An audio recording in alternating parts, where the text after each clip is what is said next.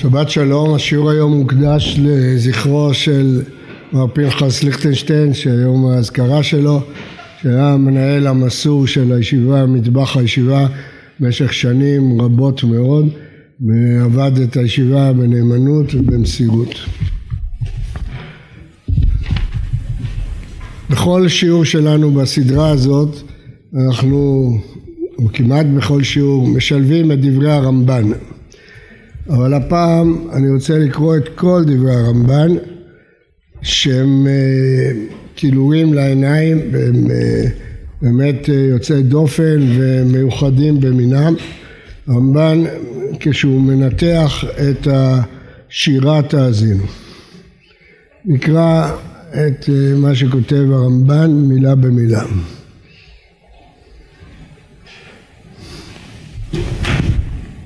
והנה זה בסוף, בסוף הפרשה. הנה השירה הזאת, פסוק מ', אשר הבענו לעד אמת ונאמן, הגיד בביאור, אמרה בפירוש, כל המוצאות אותנו. הזכירה תחילה החסד שעשה עמנו הקדוש ברוך הוא מאז שלקחנו לחלקו והזכירה הטובות שעשה לנו במדבר השירה הזאת אומרת ביטוי חשוב מאוד, הרמב"ן עומד עליו וצריך לשים לב אליו, הטובות שעשה אותנו מאז שלקח אותנו לחלקו. הפסוקים האלה הם מאוד מאוד סודיים ויחידים במקרא. בהנחל עליון גויים, בהפרידו בני אדם, יצב גבולות עמים למספר בני ישראל. כשהקדוש ברוך הוא חילק את העולם לגויים, הוא קבע שבעים אומות כמו המספר של בני ישראל שהיה שבעים כי חלק השם עמו יעקב חבל נחלתו. הביאור של זה בדברי הרמב"ן שכל האומות הקדוש ברוך הוא נותן להם להתנהל על ידי שרים ועם ישראל הוא מנהל אותם בעצמו. כל האומות שבעולם מתנהלות על פי חוקים סוציולוגיים, היסטוריים אבל עם ישראל לא תלוי בחוקים, הוא מנוהל ישירות על ידי הקדוש ברוך הוא, חלק השם עמו, יעקב חבל נחלתו. פעם שאלו, הרי כל המידות של האדם הם הידבקות במידות של הקדוש ברוך הוא, אז איך אפשר להגיד על הקדוש ברוך הוא שמח בחלקו, מה שייך שמח בחלקו? אמרו זה הכוונה, שמח בעם ישראל שהם חלקו, חלק השם עמו, יעקב חבל נחלתו. אז אם כן זה הדבר הראשון שאומר הרמב"ן, מאז שהקדוש ברוך הוא בחר. הדבר השני, והזכירה הטובות שעשה לנו במדבר, אמצעהו בארץ מדבר ובתור ילה לשמעון, יסובבנו יבוננהו, יצרנו כאישון עינו, ארבעים שנה שש מאות אלף גברים לבד מטף, מיליון, שני מיליון אנשים עם ילדים ונשים הולכים במדבר סיני, צריך אה, השגחה מיוחדת וסייעתא דשמיא מיוחדת כדי שיתקיימו, כפי שאומר פה. ואשר הנחילנו ארצות הגויים הגדולים והעצומים, סיחון והוג ומלכי כנען, ורוב הטובה והעושר והכבוד אשר הנחילנו בה. וכי מרוב כל טוב מרדו בהשם, וישמן ישורון ויבעט. יש ספרי מדאיג מאוד, שיש מכתב שהרב קוק כותב לחותנו האדרת, ואומר שהוא דואג מאוד מהספרי הזה. הספרי הזה אומר שאנחנו מקובלים ששני דורות לפני ביאת המשיח יהיה דור שימרוד מרוב שובע וישמן ישורון ויבעט. והוא מביא פסוק מישעיהו שיבוא דור שיבטחו בסוסים ובעושר שלהם. והרב קוק כותב באיגרת שכיוון שהוא צופה שזה מהתחלתא דגאולה הוא פוחד מאוד ממה שמקובלים אנחנו שתהיה מרידה רוחנית בארץ ישראל. בסוף הוא חותם את המכתב בכל אופן יהיה מה שיהיה והשם יגלנו ככה הוא כותב מרדו לעבוד עבודה זרה והזכיר הכעס אשר היה לפניו אמרתי אפאם עד ששילח בהם בארצם דבר ורעב חיה רעב אחרי חרב פיזר אותם בכל רוח ופאה וידוע כי כל זה נתקיים כל הדברים הללו שהקדוש ברוך הוא העיד בנו התקיימו ויהי כן. ואמרה השירה, כי בסוף ישיב נקם לצריו ולמשנאיו ישלם. למה? הטעם, כי הם עשו כל הרעות עמנו לשנאתו של הקדוש ברוך הוא.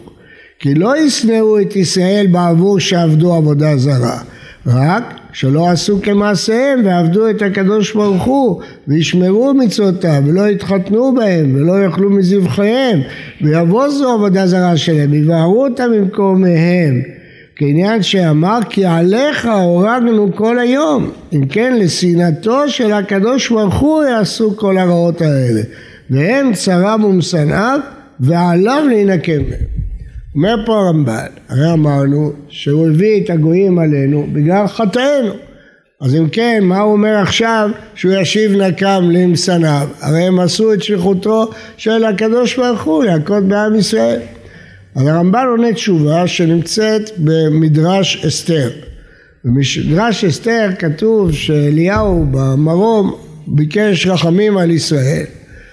אז uh, הוא פנה למשה רבנו שיתפלל עליהם. אז הוא אמר לו, אם יש אדם למטה צדיק, אז הוא יתפלל למטה ואני למעלה.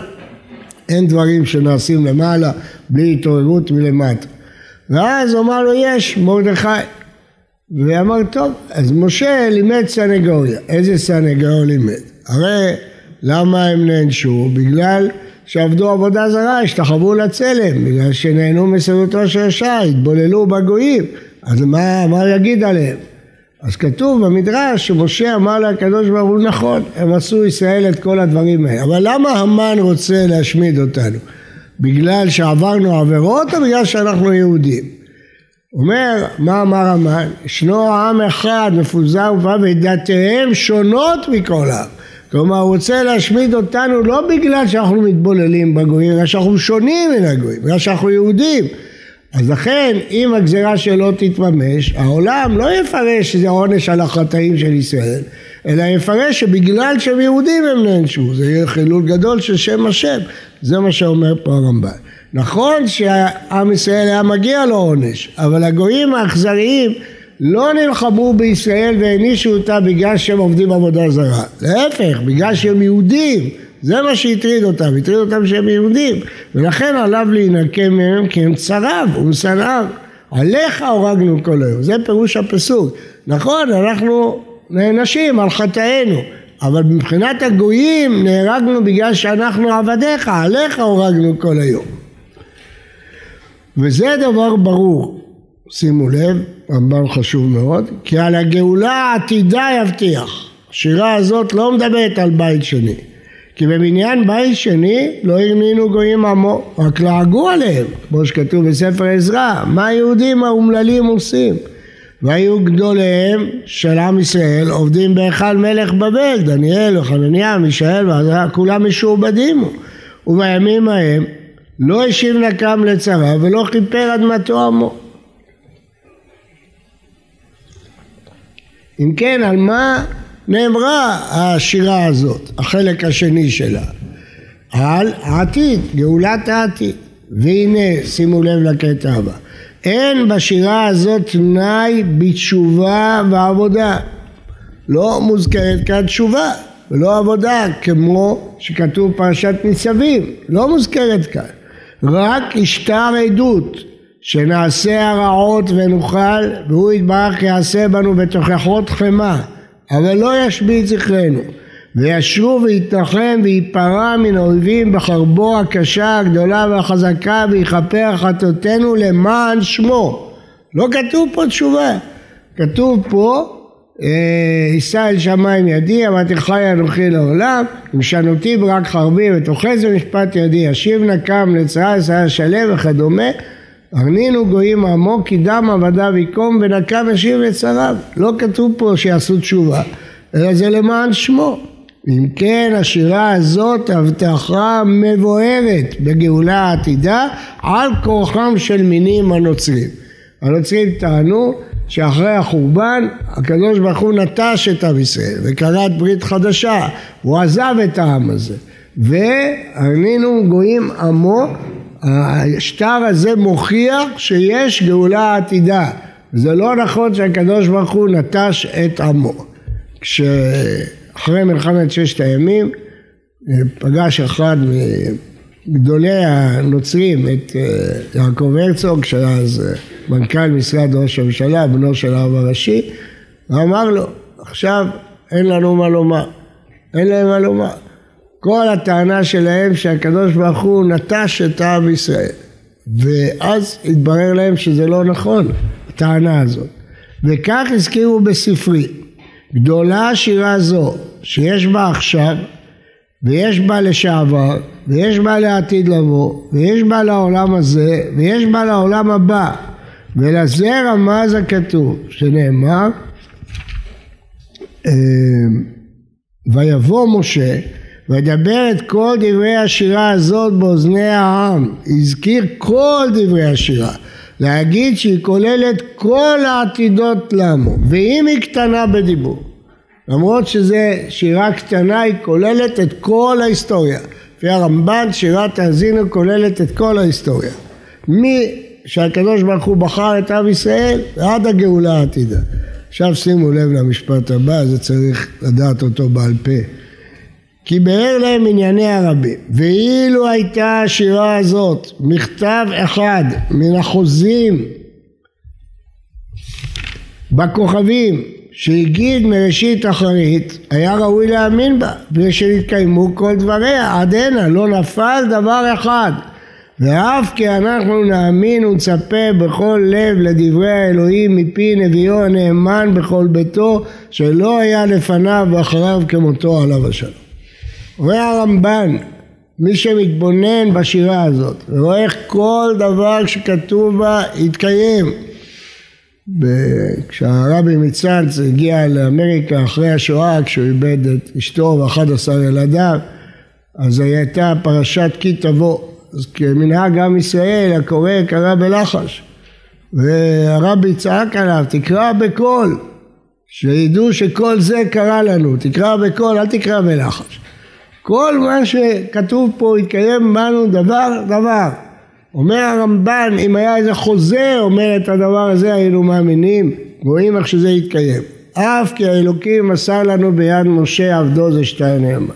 הרמב"ן רוצה לחזק בנו, להוכיח לנו את האמונה בשלב האחרון שעליה מידע השירה. כי כל השלבים הקודמים התקיימו.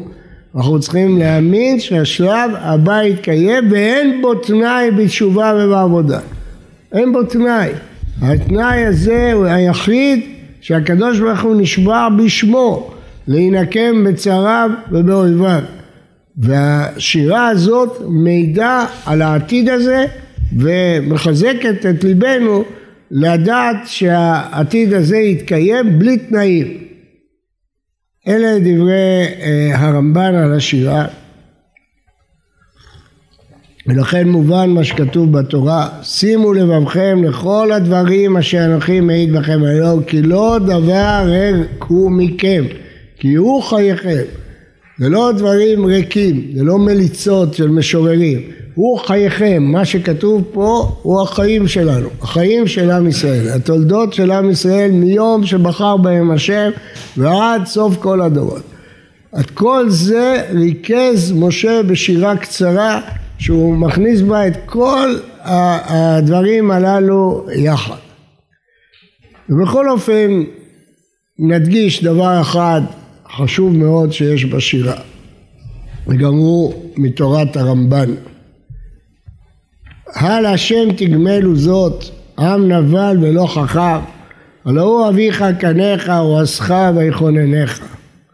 הל השם תגמלו זאת, מה פירוש?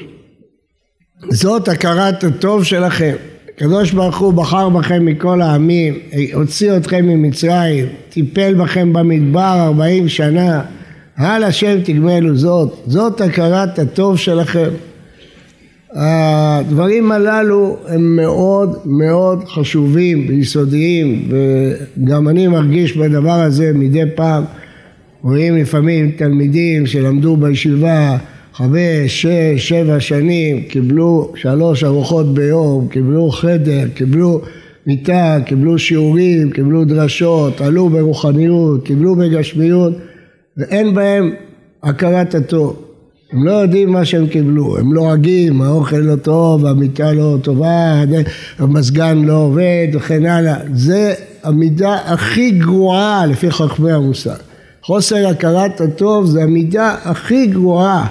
אדם שחמש שנים הישיבה פרנסה אותו צריך כל החיים לדעת שהישיבה בנתה אותו. אני אומר את זה כי זה מה שאני מרגיש, מה משה רבנו מרגיש. אחרי כל מה שהקדוש ברוך הוא עשה לעם ישראל, אתה שומע אנשים, על השם תגמלו זאת. קוראים להם עם נבל ולא חכם. אומר הרמב"ן, מה זה נבל? זה לא רשע. נבל מי שלא מכיר טובה. כמו נבל הכרמלי, שדוד אמר אני שמרתי והגנתי עליו והוא ביזה אותי ולעג לי, נבל. נבל זה מי שלא מכיר טובה. חכמי המוסר אומרים שחוסר הכרת הטוב היא המידה הכי גרועה במידות האנושיות. אדם שלא יודע להכיר טובה למי שגמל לו טובה, זה התחתית של השפלות של המידות. כיוון שזה גם מביא לכפירה בהשם. מי שאין לו הכרה טובה כלפי בשר ודם, הוא בסופו של דבר כופר בטובתו של הקדוש ברוך הוא. הוא גם לא יודע מה הקדוש ברוך הוא העניק לו כפי שהפרשה הרבה. והפרשה מתחילה ביסוד הזה של הכרת הטוב. הלאה השם תגמלו זאת. זו הגמול שאתם נותנים על כל מה שקיבלתם. עד כדי כך שהרמב"ן בפרשת מעמד הר סיני על הפסוק כי לבעבור נסות אתכם בא אלוהים אז הוא מביא ארבעה פירושים, אחד הפירושים מפתיע מאוד. לבעבור נסות אתכם אם תכירו לא טובה על מה שגמל אתכם. הקדוש ברוך הוא נגלה לעם ישראל, בחר אותם מכל העמים, נתן להם תורה, מנסים אותם אם הם יכירו מה הטובה שהם קיבלו, הם יבינו מה הטובה שהקדוש ברוך הוא גמל איתם. לכן הפרשה מתחילה בהלאה השם תגמלו זאת, ככה גומלים למי שעשה לכם את כל הטובה שבחר בנו מכל העמים ונתן לנו את טובתו, העם היה צריך להיות כל החיים חדור והכרת הטוב ויתן להם ארצות גויים ועמל לאומים ירשו בעבור ישמעו חוקיו ומצוותיו ונצורו הללויה הוא נתן להם ארצות גויים, ובשביל מה? ועבור ישמעו חוקיו, מצוותיו ינצורו, הללויה. והתחושה הזאת שעם ישראל בגד בהכרת הטובה למי שגמל, גרמה לאותם עונשים כבדים שמתוארים בפרשת השבוע, אבל אומר הרמב"ן, סופם הוא שהקדוש ברוך הוא יגאל אותנו בגאולה העתידה על כורחם של מינים. למרות כל הטענות של הנוצרים, ואל תחשבו שהטענות האלה נעלמו, גם היום הם קוראים לעצמם בכל מיני שמות ישנים וגם חדשים, אבל האמינות תקבל את תשובתה בגאולה העתידה שהקדוש ברוך הוא הבטיח בפרשה הזאת שתהיה גאולה עתידה. וזאת ההבטחה שאיתנו אנחנו הולכים לשנה הבאה, לשנה הבאה עלינו לטובה שהקדוש ברוך הוא יגאל אותנו ויקיים לנו את מה שהבטיח לנו על ידי הנביאים שדבר אחד מדבריו החור לא יקום ישוב ריקם ויקוים בנו וכיפר אדמתו עמו. וכיפר אדמתו עמו. אני רוצה לחזור על משפט אחד שאמרתי פה לפני התקיעות אה, שצריך ללוות אותנו. הנביא אומר קורא לעם שרידי חרב ואומר הלוך להרגיעו ישראל. יש לנו בעם ישראל היום הרבה שרידי חרב, ניצולי שואה ומשפחותיהם שבאו גלמודים וערירים, נפגעים ממלחמות ישראל, שרידים ממלחמה אחרי מלחמה, שרידי חרב שכל אחד נושא איתו את החרב. אבל הנביא מבטיח הלוך להרגיעו ישראל. שתגיע רגיעה לעם ישראל, שעם ישראל יהיה רגוע, בלי המתחים והעצבנות והכעסים, אלא הלוך להרגיעו ישראל. זאת הברכה שלנו לקראת יום כיפור, הלוך להרגיעו ישראל. יהי רצון שייכתב כולנו לחתימה טובה ולבשורות טובות, והקדוש ברוך הוא יכניס אותנו בתוך כל הכלל. ויכפר על כל כלל ישראל וכיפר אדמתו עמו. שבת שלום וברכה.